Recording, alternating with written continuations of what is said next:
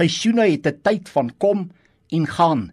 Daar is reëls en so het God in sy woord vir ons grense gegee, verantwoordelikhede gegee, wette en reëls daar gestel. Ons lees in Johannes 10 vers 1: "Voorwaar, voorwaar ek sê vir julle, wie nie by die deur in die skaapstal ingaan nie, maar van 'n ander kant af inklim, hy's 'n dief en 'n rower." Met ander woorde, my luisteraar, ons kan nie maak soos ons wil nie. Kom ons kyk na die eerste in hierdie reeks, die eerste wet of grens is dan die wet en grens van enige verhouding. Filippense 2 vers 2 gee dit maak dan my blydskap volkome deur eensgesind te wees en dieselfde liefde te hê, een van siel en een van sin. Moenie iets doen uit selfsug of uit ydelle eer nie, maar in nederigheid moet die een die ander een hoër ag as homself.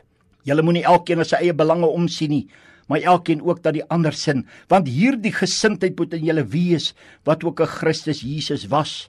Daar is verskillende verhoudings wat ons lees in Matteus 22 vers 36 tot 40. In eerste plek die belangrikste verhouding is jou verhouding met God drie enig en dit begin by wedergeboorte dan ons verhouding met ons medemens en dan ook met onsself. Wanneer dit kom by liefdesverhouding met ander woorde 'n paartjie, dan is dit tussen twee mense, dan geld dit net tussen 'n man en 'n vrou. Dis hoe God dit gemaak het en hy het dit nooit verander nie. Ook sy woord het nooit verander nie. Die huwelik is deur God ingestel tussen man en vrou alleen. Daar is nie 'n tweede opsie nie. Die mens wil dit verander. God sal dit nooit verander nie prys sy naam. Kyk ons na die grense of reëls of wette in Filippense 2 wat ons saam gelees het. Wanneer is God gelukkig as daar eensgesindheid is? As daar liefde tussen mense is? En weet jy dit maak ook ons gelukkig as dit in ons alledaagse lewe na vore kom. Kyk na die volgende reël vers 3. Moenie iets doen uit selfsug of uit ydelle eer nie, maar in nederigheid moet die een die ander een hoor ag as homself. Kom ons tot na in ons verhoudings My luisteraar dan seën God ons. Kyk daar vandag se selfsug en ydelle eer.